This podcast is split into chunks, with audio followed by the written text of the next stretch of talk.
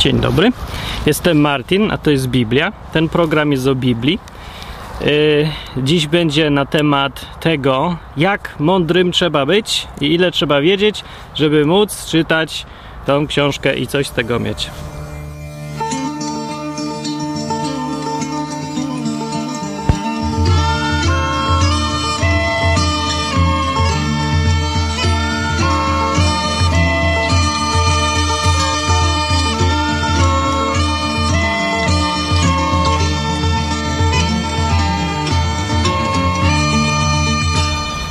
Dużo ludzi uważa, że Biblia y, się nie nadaje do czytania dla normalnego człowieka, bo to jest taka książka jak podręcznik programowania, czyli taka dla ekspertów rzecz i trzeba kupę rzeczy wiedzieć wcześniej, zanim się zacznie czytać, żeby w ogóle cokolwiek z tego zrozumieć. Bo to nie jest dla zwykłych ludzi, takich, co skończyli powiedzmy podstawówkę. No, jako że przeczytałem już tą książkę parę razy, po angielsku też przy okazji, co nic nie zmienia akurat, ale mogłem sprawdzić, czy, czy tłumaczenie jest aż taką e, rolę gra, czy nie. Nie, nie gra. No, więc przeczytałem to, więc po paru latach mogę stwierdzić, czy, czy oczywiście trzeba dużo wiedzieć, czy nie. Co trzeba wiedzieć, żeby czytać Biblię? Co trzeba umieć znać? I tak, no przede wszystkim to jest książka, jak widać gruba dosyć. No to trzeba mieć trochę czasu, a jak się nie ma czasu, żeby to naraz przeczytać, raczej się nie da, no to trzeba mieć trochę dyscypliny, żeby to czytać codziennie albo co tydzień, jakoś tak regularnie, żeby sobie wziąć i w końcu całe przeczytać. Czy ważne jest, żeby przeczytać całe, czy tylko można czytać po tam po kawałeczku z jednej strony jedno zdanie losowo i coś z tego będzie? Nie, nic z tego nie będzie. Nie ma sensu. To jest jednak jakaś całość. Czy całość jak całość, tak? Księga się składa z wielu różnych małych ksiąg. To jest ksiąg, księga ksiąg w ogóle. E, ale pojedyncza księga wewnątrz tego, no to jest całością jednak i trzeba by ją całą łyknąć, żeby ją zrozumieć. Nie? Żeby zrozumieć, jak się te księgi wszystkie razem komponują w jakąś jedną całość, to trzeba przeczytać wszystko. Nie trzeba dokładnie przeczytać. Można tak przeczytać ogólnie, można pomijać dużo rzeczy, można tak selektywnie jechać, ale żeby sobie wyrobić zdanie i coś z tego mieć i poznać tą książkę, no to trzeba czytać ją tak, jak to się czyta książkę. Czyli tam początek jest ważny, koniec jest ważny, w środku to różnie bywa, można trochę omijać, no ale trzeba to jednak przeczytać. Więc trzeba mieć czas, trzeba być cierpliwym, takie rzeczy. No i przede wszystkim trzeba umieć czytać, co nie jest takie oczywiste, bo wielu ludzi umie śledzić literki, powtarzać to, co tu jest napisane na głos i nic z tego nie rozumieją. Kiedyś zrobili badania w Polsce, okazało się, że 3 czwarte ludzi nie potrafi powiedzieć, kiedy odchodzi ostatni autobus przystanku na podstawie przeczytania rozkładu autobusów. Czytają i nic z tego nie rozumieją. Nie potrafią z tego wy, wy, żadnych wniosków wyciągnąć. Jest to trochę ważne jednak. To się nazywa wtórny analfabetyzm. Polega na tym, że no, czytasz, umiesz czytać, ale nie umiesz tego y, zrozumieć. Nie wiem, jak to ładnie się tłumaczy, się jakoś da ładnie wytłumaczyć, ale to mniej więcej to zjawisko z przystankiem i autobusem. No. Więc trzeba umieć czytać, trzeba chcieć jeszcze czytać.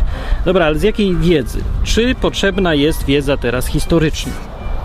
No, kupa z tego, właściwie odtąd, nie, w ogóle całe, yy, to jest historia. To jest kronika właściwie wydarzeń. Od pierwszego zdania, które się nazywa, jak się wstępy wszystkie pominie, się zaczyna. Na początku Bóg stworzył niebo i ziemię. Fakt, stwierdzenie faktu. To nie jest filozofia, to nie jest e, jakiś taki wstęp, nie? że nie jest mowa o uczuciach, o nastawieniach, o przemyśleniach. To nie jest książka filozoficzna, to jest książka o faktach mówiąca, czyli e, większość zdań w tej książce składa się z podmiotu, głównie osoby, z czynności w czasie przeszłym i jakichś tam szczegółów. Czyli Abraham poszedł do tej ziemi, albo Jakub powiedział komuś coś. I tak cała ta książka właśnie jest tak skomponowana. Ma to swoje konsekwencje. Ponieważ jest książka historyczna i to po prostu opowiada historię, większość tej książki, tej księgi ksiąg, ponieważ tak to jest konstruowane, to wymagania są niskie. No, bo żeby słuchać, co się do ciebie mówi o jakiejś historii, nie musisz właściwie wiedzieć nic. No jak oglądasz film Avatar, to nic nie musisz wiedzieć o rzeczywistości w filmie Avatar. Ten film ci powie. Ty musisz tylko słuchać. Tak skonstruowana książka, więc nie jest trudna specjalnie i nie wymaga dużo wiedzy. Właściwie to jest najmniej wymagający sposób narracji, jaki istnieje. Y, tak się dokładnie opowiada bajki dzieciom. I dzieci rozumieją, nie? że księżniczka, prawda, taka i taka, yy, wstała rano, poszła do księcia, bla, bla, bla. No tutaj musi wiedzieć, co to jest księżniczka i książę. No to przynajmniej tyle. Coś tam wiedzieć trzeba ogólnie. Ale to jest i tak najmniej wymagające. Jak sobie weźmiesz książkę yy, pana Coelho albo jakiegoś, jakąś inną książkę, większość książek takich współczesnych, takich bardziej głębokich, one zahaczają o kulturę masową, o jakieś postawy filozofii.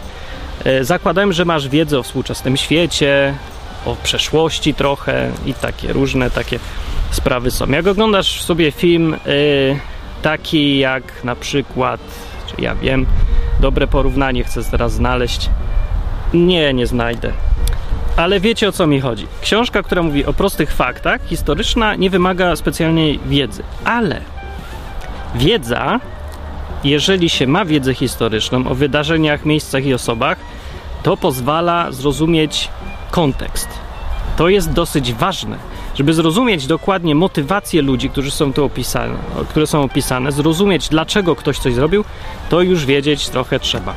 Inaczej mówiąc, jeżeli nie wiesz nic o kulturze hebrajskiej, o starożytności, o konstrukcji świata wtedy, takich sprawach różnych, e, o w tym jaka waluta była, jak się nią posługiwano, jak traktowano kobiety na przykład, jeżeli tego nie wiesz, to przeczytasz tą książkę, tę część historyczną, jako zbiór faktów i tyle.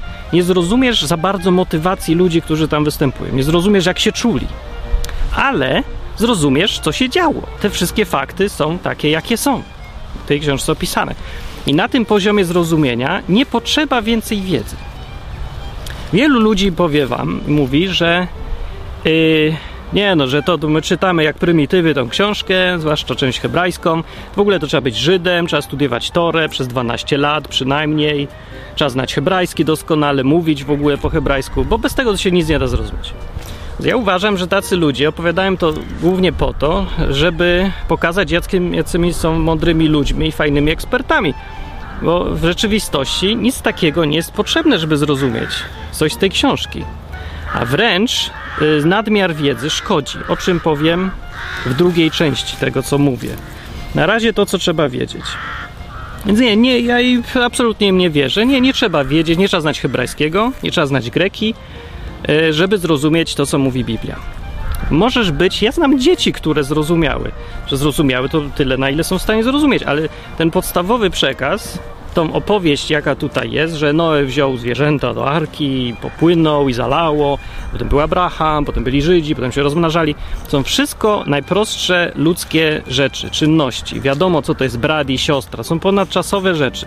Wiadomo, co to jest wojna, co to jest pokój. Wiadomo, co znaczy kogoś zabić, wiadomo, co znaczy kogoś uratować życie. No, to mniej, ale zabić prościej. E, to są takie właśnie rzeczy raczej podstawowe i ważne ktoś założył miasto, ktoś wyjechał z miasta, poszedł mieszkać gdzie indziej. Ktoś komuś powiedział coś tam o jakichś tam życiowych kwestiach. E, w Biblii nie znajdziecie dużo rzeczy, e, jakichś opisów życia codziennego, na przykład, jakichś takich niuansów. No nie, no bo to jest książka kronikarska w większości, jak mówię, i ona ma za zadanie opisać główne fakty, takie, które mają e, znaczenie dla historii, którą opowiada, czyli duże wydarzenia, związane, zawsze krążące wokół Boga. Tak należy Biblię czytać, bo tak jest ta Biblia napisana, z takiej perspektywy i o to jej chodzi.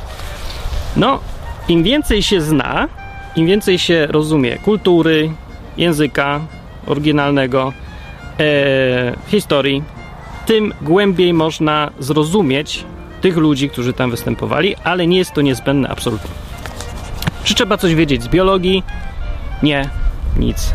Nic nie trzeba ale można, pomaga. Jak się tam czyta o różnych zwierzętach występujących, to znajomość biologii się pewnie gdzieś tam przyda w którymś momencie, ale to, to na marginesie. Chemii znać trzeba średnio. Można znać, żeby docenić, yy, jak niezwykłym wydarzeniem jest cud, na przykład zmiany wody w wino. chemiczna jakaś reakcja musiała nastąpić, chemicznie się musiał zmienić skład i coś tam tego.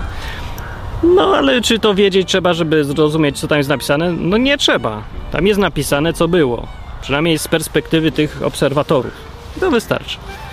Co jeszcze może być potrzebne do czytania Biblii? No język przede wszystkim. Jak już mówiłem, nie potrzeba znać oryginału, żeby zrozumieć, co tu jest napisane. O czym mówi ta książka? Czy podczas tłumaczenia następują przekręty? Ale rzeczywiście, od cholery, zwłaszcza w Starym Testamencie. Hebrajski jest z zupełnie innej grupy kulturowej, językowej, nie kulturowej. E, jest kompletnie inaczej się tam konstruuje zdania, inaczej się więc myśli, w ogóle inaczej się układa całą rzeczywistość w głowie. No język bardzo wpływa na percepcję rzeczywistości. Odwrotnie też. To jak się patrzy, patrzy, układa rzeczywistość w głowie, tak się też i mówi. Tak się używa języka. No ale nie ma to znaczenia, bo takie niuanse językowe wychodzą w szczegółach i w detalach, które są zupełnie marginalne. To są jakieś takie dodatki. Główna historia jest cały czas taka sama. Można nie zrozumieć, można i nie smakować dokładnie. Można y, jakoś ją. No wiecie, jak się ogląda film, e, jakiś film amerykański, y, na przykład Gwiezdne Wojny z lektorem. Jak ktoś nie zna angielskiego i ogląda z polskim lektorem, czy to będzie widział ten sam film? No ten sam film. Czy on będzie tak samo dobry? Absolutnie nie. To jest w ogóle jakiś inny film. Inaczej się go czuje, ale fakty będą te same. No będzie Luke Skywalker, będzie Gwiazda Śmierci, to wszystko, ta warstwa faktów będzie ta sama. I zadaniem Biblii jest głównie opis tych faktów, więc główne zadanie Biblii nie wymaga żadnej wiedzy szczególnej oprócz umiejętności czytania, umiejętności czytania ze zrozumieniem i chęci do czytania, jakiejś dyscypliny, żeby to w ogóle siąść, wziąć i przeczytać. Na tej, na tej warstwie ja myślę, że się skupmy. Przynajmniej w tym programie. Mi chodzi tutaj o to, żeby głównie o tej warstwie pierwszej, najważniejszej warstwie faktów z Biblii mówić. Dlaczego w ogóle? Po co ja ten program w ogóle robię? Ten program koncepcją od początku i do tej pory się to nie zmieniło wcale, wbrew pozorom. Niektórzy mogą mieć wrażenie, że to jakieś, nie wiem, już głębokości różne takie życiowe sprawy, kościół się jakiś robi. Żaden kościół. Dalej, chodzi mi o to, żeby większość ludzi wiedziała, jakie fakty są w Biblii fakty, same fakty. Nie wymaga to żadnej wiedzy specjalistycznej, nie trzeba znać języków, kultury, nic. Żeby wiedzieć, że według Biblii był potop, był on na całej ziemi, trwał tyle, ile trwał, był tam Noe, według Biblii żył kilkaset lat i różne takie rzeczy. Są po prostu zwyczajne fakty, niezależne specjalnie od języka, kultury, niczego innego. To, czy mówił e, Noe w takim czy innym języku, nie zmienia faktu, że zbudował jakiś okręt, cholera wie co, z drewna wsadził tam zwierzęta, pływał, wylądował i tylko oni ocaleli z ziemi. I do, dowodem na to, że fakty nie wymagają znania historii, kultury, ani żadnych takich e, wiedzy specjalistycznej, jest to, że w wielu kulturach na całej Ziemi, a może i we wszystkich nawet, we wszystkich zbadanych, krążą gdzieś wśród wszelkich ludów na całej kuli ziemskiej y, historie potopu. W różnych odmianach, poprzekręcana. Właściwie zależność jest dosyć wyraźna. Im bliżej Mezopotamii, tego regionu ogólnie, tym bliższa jest historia temu, co jest w Biblii. A im dalej, tym bardziej y, są przekręty różne. No, gdzieś zawsze jest historia, że był potop, zawsze, że ocalała jakaś garstka ludzi, a reszta to już są takie różne dziwne rzeczy się tam dzieją. Głuchy telefon, działa tak, że im dalej od źródła, tym bardziej jest inna historia, ale sam fakt, że istnieją te przekazy, że wszędzie są, że jest ich tak dużo i że mają ciągle te wspólne elementy i że im bliżej y, no, tego, gdzie to się działo, centrum wydarzeń, tym dokładniejsza opowieść, tym bardziej realistyczna, im bardziej bliższa Biblii. Z tego wynika, że historia, wiele, no to wskazuje na to, że historia miała miejsce albo przynajmniej jakieś źródło jej było. Nie można po prostu tak zlekceważyć i wyrzucić na śmietnik, że a, tam już bez sensu, bo bez sensu. Dlaczego bez sensu? To czemu wszyscy o tym mówią? Setki lat przekazują tę historię, a akurat co jednocześnie wszyscy wymyślili. Dokładnie to samo. Mm, mało przekonujące. Dobra, ale to o faktach było. Teraz, jeżeli chodzi o Nowy Testament, czy trzeba wiedzieć coś, żeby rozumieć? Tu troszkę bardziej by się przydało Yy, historia w Nowym Testamencie jest dużo krótsza niż to no, Nowy Testament. Ile to ma? Uch.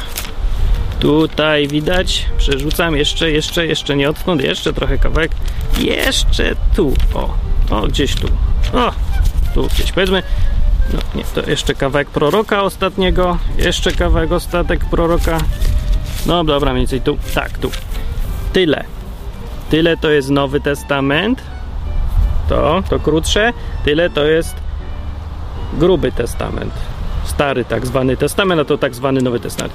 Różnią się te rzeczy, no co są w ogóle inne zestawy ksiąg, ale ten Nowy Testament opowiada w skrócie o Jezusie i konsekwencjach tego, że żył, umarł i zmartwychwstał według świadków. I tak, Nowy Testament jest pisany już w innym języku, widać to, że się zmienia trochę styl, ale nie zmienia się specjalnie podejście. Rzeczy, znowu, dalej, Nowy Testament jest pisany na zasadzie kroniki. Najważniejsze jest w tym przekazie, w tych księgach, to, żeby opisać, jakie są fakty. Przynajmniej jeżeli chodzi o cztery Ewangelie. Yy, wydawać by się mogło i powinno się właściwie tak, tak to wyglądać, że grecki sposób narracji powinien się różnić od hebrajskiego. Czyli w Nowym, Nowym Testamencie Nowy Testament jest po grecku spisany w Grece. E, I to też takiej specyficznej Grece. To jest Greka występująca właściwie tylko Y, w tych księgach Nowego Testamentu, ta odmiana dziwna Greki, to jest taka żydowska jakby lekko Greka, taka Greka nie do końca czysta grecka. Nic dziwnego, bo przecież spisywali to Żydzi, Hebrajczycy. Dlatego styl jest właściwie podobny i skupianie się na faktach to takie żydowskie podejście do pisania, takie bardzo do rzeczy, skrótko na temat po męsku, to jest, to występuje i w Nowym i Starym Testamencie. No ma to swoje plusy i zdecydowanie zajeżdża taką spójnością ogólnie Biblii. Mimo, że to jest tłumaczone z różnych kultur, niby, no, właściwie się okazuje, że z tej samej, ale z języków innych i tutaj mamy Izrael pod panowaniem Rzymian, łacińska kultura, e, pod tym wszystkim jest Greka, wszystko jest po grecku, bo grec, gre, grecka kultura dominowała w tym regionie i jeszcze pomieszane z hebrajskim. No powinno być bardzo inaczej niż w Starym Testamencie, ale narracja jest podobna dosyć. Yy, widać, że narracje nowotestamentowe, te pisane przez światło, zwłaszcza Ewangelia Jana, wprowadza dużo elementów takich od siebie. No, to jest pisane przez świadków, którzy chcieli sami coś jeszcze powiedzieć, skomentować to, więc w Ewangelii Jana jest tam dużo komentarzy od tego Jana i różnych wyjaśnień takich i tak dalej. Jan naj, najmniej żydowsko pisze z nich wszystkich, ale reszta, czy, czy inne Ewangelie, to bardzo żydowski znowu styl na faktach oparty. To znowu oznacza, że nie trzeba wiedzieć specjalnie dużo, żeby czytać Nowy Testament. Ale teraz Ponieważ Rzym jest dosyć dobrze udokumentowanym okresem w historii yy, antycznej, właściwie z tych wszystkich starych kultur, tych, tego antyku, wszystkiego przed średniowieczem, to jest najlepiej chyba, zdaje mi się, udokumentowana cywilizacja. To jest cywilizacja na, na fundamentach której żyjemy do tej pory. Ludzie myślą, że Rzym był i znikł. No nie znikł właśnie. Rzym był i zostawił po sobie fundamenty, na których cała Europa jest zbudowana. A jak Europa, to i Stany Zjednoczone, cały Zachód. I wschód trochę też. No, do Polski sięga to. Powiedzmy już na wschód od Polski to już tak, no, to już tak mniej tego Rzymu. Ale prawo rzymskie, sposób myślenia oparty na prawie na przykład, to wszystko jest Rzym, to jest czysty Rzym. Są te same zasady, które były obowiązywały wtedy. Co ma swoje teraz plusy i minusy przy czytaniu Biblii? E, plusy są takie, że ponieważ żyjemy w kulturze europejskiej, która pochodzi od Rzymu i jego zasad, to wiele rzeczy rozumiemy automatycznie. Mamy wiedzę, której się nie uczyliśmy, ale po, po, ponieważ żyjemy w takiej rzeczywistości, jakiej żyjemy, to siłą rzeczy wiemy kupę rzeczy. Myślimy w pewien specyficzny sposób. Podejrzewam, że Chińczykowi będzie dużo trudniej zrozumieć rzeczy z Nowego Testamentu, które dla nas są zupełnie oczywiste. Na przykład jakieś podejście do prawa e, a, czy inne tam. Ja nie wiem, jak Chińczycy myślą, więc nie mam pojęcia, ale tak mi się wydaje. To się wydaje zupełnie logiczne i naturalne, jak sobie człowiek uruchomi wyobraźnię. Więc trochę tej wiedzy mamy i to pomaga w czytaniu. Poza tym e, warto wiedzieć, co to był setnik, kohorta, e, kim był Piłat ogólnie, jakie stanowisko zajmował, dlaczego nie, nie wolno było dlaczego Żydzi nie mogli sami e, skazywać na karę śmierci. E, znaczy nawet nie trzeba wiedzieć dlaczego, trzeba wiedzieć, że po prostu nie mogli. Musieli pytać Piłata o zdanie, takie tam. Ale czy to specjalnie coś zmienia? Nie. Nie sądzę. Żeby zrozumieć ogólnie o co chodzi w Nowym Testamencie, nie trzeba specjalnie się zagłębiać w niuanse tego wszystkiego, ale tutaj, ponieważ tu już można trochę informacji konkretnych wyciągnąć, choćby czytając kroniki Flawiusza, wystarczy jedna pozycja tylko, wystarczy ją przeczytać jako kontekst, no to daje dużo większe zrozumienie detali tego wszystkiego i pokazuje cały realizm tej historii. I tutaj powiem, dlaczego pożyteczne jest trochę obeznanie się z historią i takimi, z jakimś tam kawałkiem wiedzy e, konkretnej. W przypadku Nowego Testamentu, bo jeżeli masz trochę wiedzy i zrozumienia e, polityki rzymskiej, warunków życia, e, od tego, jak się Rzymianie odnosili do, do podbitych narodów, no i parę takich informacji, nie? To jak to wiesz, to czytając Nowy Testament będziesz widział cały realizm tej historii, tego opowiadania. Z kolei, jeżeli nie masz tych informacji, to będziesz, jest groźba, że będziesz podchodził do Nowego Testamentu jasełkowo. Co to znaczy? No to znaczy, że to jest historyjka typu bajka, bo nie rozumiesz, bo to brzmi jak jakaś taka historia, nie? że dawno, dawno temu. Nie, to nie było dawno, dawno temu za siedmioma górami i lasami. To było 2000 lat temu w Rzymie.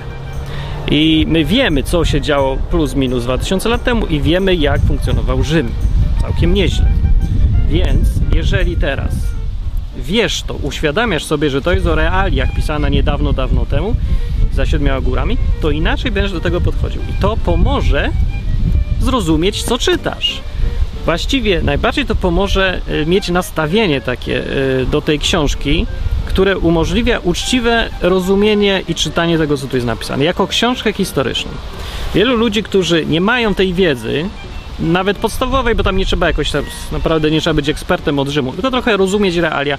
Jeżeli nic nie wiedzą i czytają Nowy Testament, bardzo łatwo jest im e, przyjąć taką postawę pod tytułem to są takie pierdoły, że nie warto tego czytać i, i na tym kończą czytanie, że czytają sobie po kawałku i wyrzucają na śmietnik.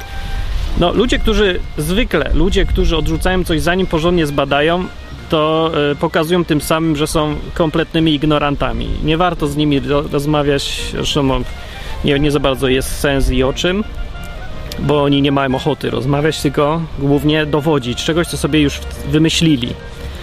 To nie jest uczciwe podejście. To jest takie sianie propagandy. Ja propagandy nie znoszę. Ja chcę rozmawiać, się dowiadywać, jak było. No, więc jak ktoś takie zdradza nastawienie, yy, a przy okazji łatwo wykryć, że nie wie o czym mówi, nie zna realiów, nie przeczytał, nie chciało mu się, no to no to co, no. Gorzej jest jak to ty jesteś. I tobie się wydaje, że yy, to ta książka to jest brednia, a nic nie wiesz o rzeczywistości, którą opisuje tamtych czasów. No to jak się zaczyna trochę czytać, to zaczyna się to naprawdę zazębiać. To nie jest książka napisana, którą... Yy, taka fikcja literacka, którą tam umieszczono sobie w tamtych realiach, która w ogóle nie ma zaczepienia o rzeczywistość, bo po prostu tak wymyślili i ktoś pisał, kto nawet nie znał tamtej. No nie, no to jest historia, która według całej naszej wiedzy mogła się faktycznie wydarzyć. Nie da się pokazać niczego tam, co absolutnie nie mogło się dziać. Czy Piłat mógł skazać Jezusa? Mógł. Nie? Czy Żydzi mogli go y, tępić jako tam Mesjasza? Mogli jak najbardziej. Mieli bardzo dobre polityczne powody. I ogólnie wszystko, jak się tak analizuje, mogło być z punktu widzenia prawdy, no po prostu faktów. No to jest realnie możliwa historia, która mogła być. Czy była, no to jest inna sprawa. I gdzieś tam w końcu się trafi na granicę analizy, poza którą już będzie tylko decyzja. No albo wierzę, albo nie wierzę. No już wiem wszystko, co wiedzieć mogłem i muszę sobie dla swój własny rachunek zdecydować, żył ten Jezus, czy nie żył. Zmartwychwstał, czy nie zmartwychwstał. To sobie decyduj już, jak chcesz.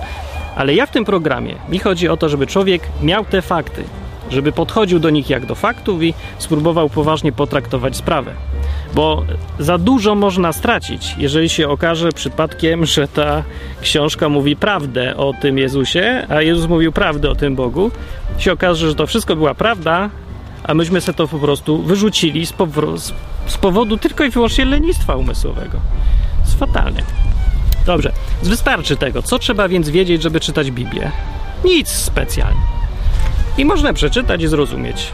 No, to, co potrzeba rozumieć. A im więcej się chcesz nauczyć, dowiedzieć szczegółów, zrozumieć tam detale, motywacje postaci w Biblii, no to to się już ucz, zbiera informacje. Ale żeby zacząć czytać, po prostu zacznij czytać. Nie chodzi o to, że jak na przykład załóżmy, że jest człowiek i mówi, ja to bym chciał przeczytać tą Biblię, ale ja nie mogę zacząć, bo muszę najpierw się nauczyć trochę hebrajskiego, trochę greki, poczytać o Rzymie, a potem dopiero zacznę czytać Nowy Testament i Stary też. Nie, to jest błąd, to jest bez sensu. Nie potrzeba, nie potrzebujesz naprawdę tej wiedzy, żeby zacząć czytać. Nawet lepiej zacznij sobie to czytać, a jak sobie przeczytasz, to będziesz oczywiście dużo rzeczy nie wiedział, dużo będzie niejasne, niektóre się będą wydawały w ogóle sprzeczne, niezrozumiałe, dziwne. No i wtedy sobie czytasz. To uczysz się tej greki i hebrajskiego, troszkę se liźniesz, poczytasz o historii i tak dalej. No, i, I wtedy się nawet fajnie jest, bo sobie wtedy zaczynasz rozumieć coraz więcej. Jakoś taki płynny progres jest, yy, się cieszysz, że nowe rzeczy się odkrywa, odkrywa tam, że oto jednak ma sens. Fajnie jest po prostu tak czytać, myślę. No więc zamiast tego podejścia perfekcjonistycznego, że ja muszę wiedzieć wszystko albo nawet nie zaczynam, to lepiej jest poczytać sobie po prostu to z taką wiedzą, jaką się ma. Na takim poziomie zupełnie prostym. Ale to, co jest naprawdę problemem, to nie jest to, co wiesz. To nie jest to, ile wiesz. Yy, nie, bo pytanie było na początku takie, ile muszę wiedzieć, żeby czytać Biblię? No to niewiele. Taka jest odpowiedź. Ale pytanie ważniejsze jest teraz, i to jest prawdziwy problem. Ile muszę nie wiedzieć, żeby czytać Biblię? I to jest problem dużo większy, jak okazuje się w praktyce. Przez 20 lat bycia zaangażowanym w czytanie tej książki, po 20 tak czytania tej książki, gadania z ludźmi z różnych kościołów, poza kościołami, po tym wszystkim mam jeden wniosek, że wiedza przeszkadza bardziej niż niewiedza. Nie przeszkadza w tym, żeby zrozumieć, co tu jest w ogóle napisane, żeby to czytać i podejść do tego tak, jak się podchodzi do każdej książki historycznej, żeby zrozumieć, co tu jest w ogóle napisane. To jest dosyć niewiarygodne jest to zjawisko, bo czytasz, jeżeli ktoś mm, ma wiedzę minimalną, ale mm, nie, nie ma wiedzy, która mu przeszkadza w czytaniu, yy, ten potrafi, ten czyta po prostu sobie to, co jest napisane i łapie od razu to, co jest napisane, bo to jest dosyć prosto jednak napisane mimo wszystko. Powtórzone są ważne rzeczy wiele razy. Trzeba, wystarczy go czytać. Nie trzeba interpretować tej książki. No ta, czy widziałeś książkę historyczną kiedyś, którą trzeba interpretować?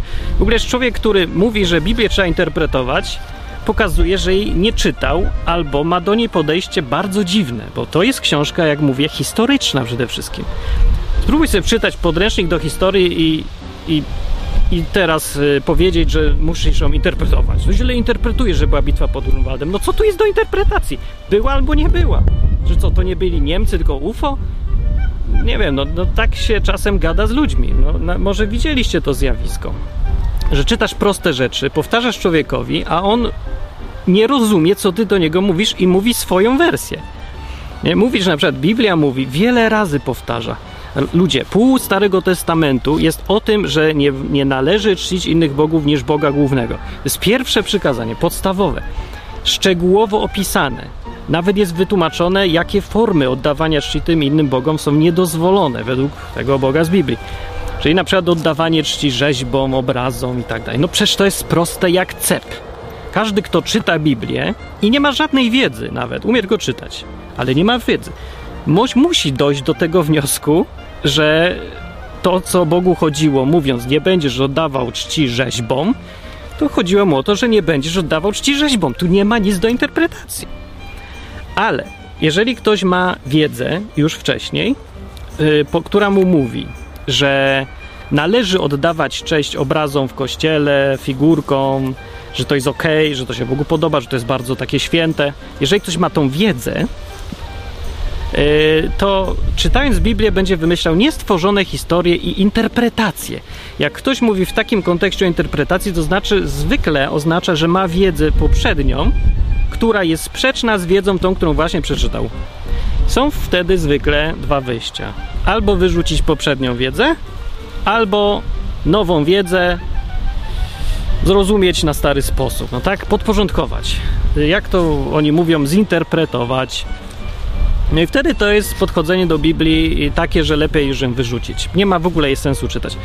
Y, nie ma w ogóle sensu czytać, powiem, żadnej książki, która y, wprowadza coś nowego do Twojego rozumienia, bo zawsze każdą nową książkę nie będziesz czytał, tylko interpretował.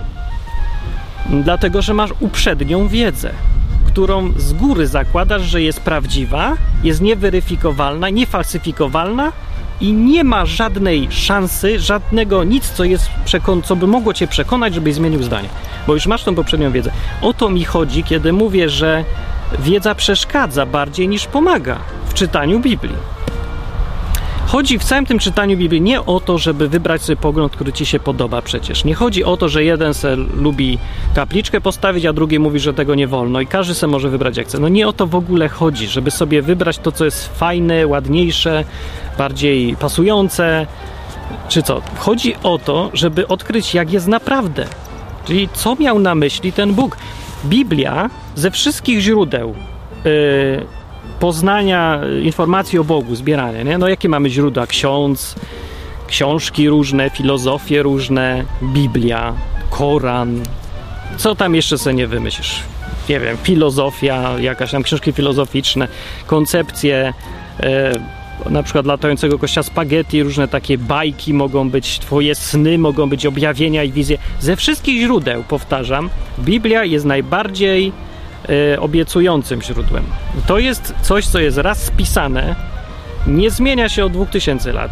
To jest duży plus, nie? Bo to jest, widać, że to taka stabilna wiedza i stała. Od więcej niż 2000 lat. Tu są starsze kawałki.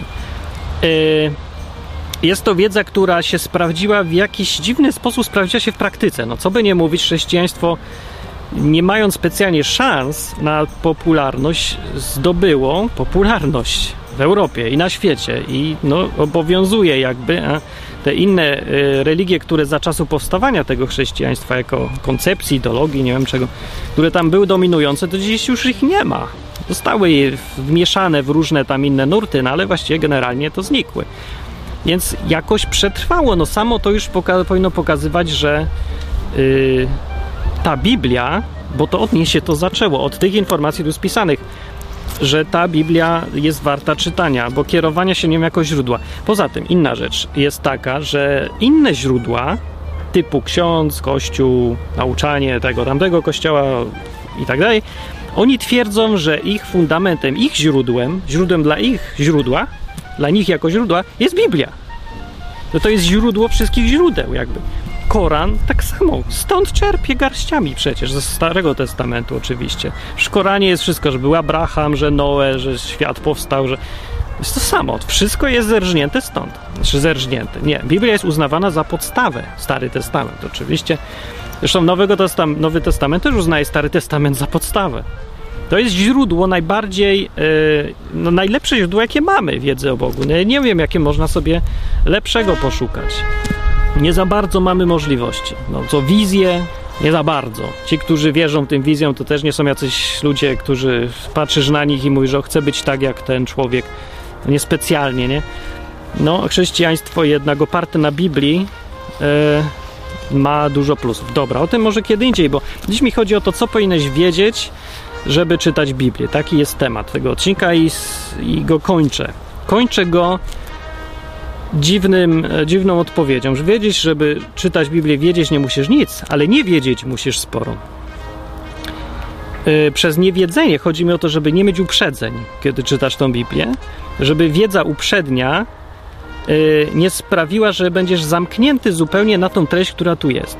Żeby ta wiedza, którą masz, nie sprawiła, że będziesz interpretował sobie to, co tu jest napisane, zamiast to po prostu czytać i wziąć pod uwagę, że w świecie przedstawionym w Biblii nie wolno robić ołtarzyków, figurek. W świecie przedstawionym w Biblii Bóg stworzył świat w 6 dni. Nie wiadomo, ile trwał dzień, dobra, nie wiadomo, nie wiadomo, jak to było technicznie zrobione, ale jest napisane, że 6 dni no to 6 dni. Cokolwiek to znaczy, można sobie to. Nie wiadomo. Ale było. I był Noe, i był Potop, i ludzie żyli kilkaset lat w tym świecie przedstawionym w Biblii. Przynajmniej tyle. Jeżeli teraz ten świat przedstawiony z Biblii wydaje się, że to jest ten świat dookoła realny, no to uwierzyłeś właśnie, że Biblia mówi prawdę. Jeżeli nie, to przynajmniej tyle wiedz, co tu naprawdę jest napisane o tym świecie przedstawionym. A nie opowiadaj głupot, że Bóg nigdy nie zakazał czcić e, człowieka jako w jakiś taki sposób boski, albo dać mu czci, albo robić rzeźb, albo inne takie rzeczy, no bo zakazał, no. I już w tej książce. Więc ludzie, którzy nie, czy, nie chcą czytać tej książki, tylko interpretują, e, głównie robią to z powodu tego, że wiedzą za dużo. I to, myślę, że to jest największy problem. Po tych 20 latach tak stwierdzam. Jakie jest rozwiązanie tego problemu? No nie da, no nie da się odwiedzić coś, co już wiesz. Ale trzeba. No niby się nie da, no ja wiem, że jak już coś raz wiesz, to już to tam będzie, ale to czym się kierujesz, to już zależy od ciebie. I uczciwie by było, przy czytaniu tej książki i każdej innej, i Koranu też, i, i w ogóle każdej książki, uczciwie by było yy, wyrzucić na chwilę, pod, na czas czytania, z głowy całą wiedzę, czyli z, zrobić się takim głupkiem. Jestem prosty, czytam od początku, z, mam dobrą wolę, żeby zrozumieć, co tam jest. Skoro książka jest pisana historycznie, no to czytam ją jak książkę historyczną i zobaczymy, ale czytam ją uczciwie, tak, żeby zrozumieć i żeby czytać, a nie po to, żeby przeciwko niej wymyślać sobie dowody cały czas, że, że to nie mogło być, no to nie ma sensu tego czytać. Jak już wiesz wszystko, to po co czytasz? Chodzi o to, że jak nalajesz szklankę do pełna, to nie możesz tam nalać już nic więcej. To trzeba wylać z tej szklanki. Albo odlej na chwilę do nocniczka, żeby nalać coś do tej szklanki zobaczyć, co tam w niej pływa i spróbować. Ewentualnie potem możesz wylać, wyrzucić, wziąć notniczka i żyć po swojemu, ale żeby chociaż raz uczciwie podejść do tej Biblii, to by naprawdę było fajnie, no. Żeby wiedzieć, co tam jest napisane. To tak za dużo wymagam, no ewidentnie za dużo, bo coś, coś to nie idzie w tej Polsce i nie tylko. Ludzie jakoś kategorycznie odmawiają uczciwego podejścia do nowych rzeczy. No. Zresztą mówię, nie tylko o Biblię. Chodzi, jakbyś ktoś Koran czytał, mając w głowie już przekonanie, czyli no, tą wiedzę, że islam to jest e, stworzony tylko po to, żeby mordować wszystkich niewiernych, to byś go nie czytał uczciwie, tylko byś tam widział same morderstwa i złośliwego, sadystycznego Boga Koranu i tak dalej.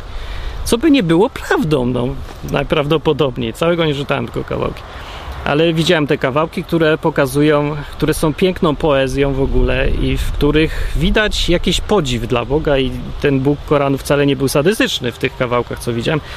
Więc na pewno to nie jest tak, że y, ten jak sobie wyobrażają ci, którzy chcą widzieć samo zło i tylko zło i już mają swoje tam uprzedzenie. No nieważne, mówię, jaka książka. Ważne jest podejście. Podejście, e, w którym jesteś pełny już po brzegi, że już tam nic nie wejdzie, nic się nie naleje, e, uniemożliwia ci poznanie czegokolwiek, uczciwie, naprawdę poznanie.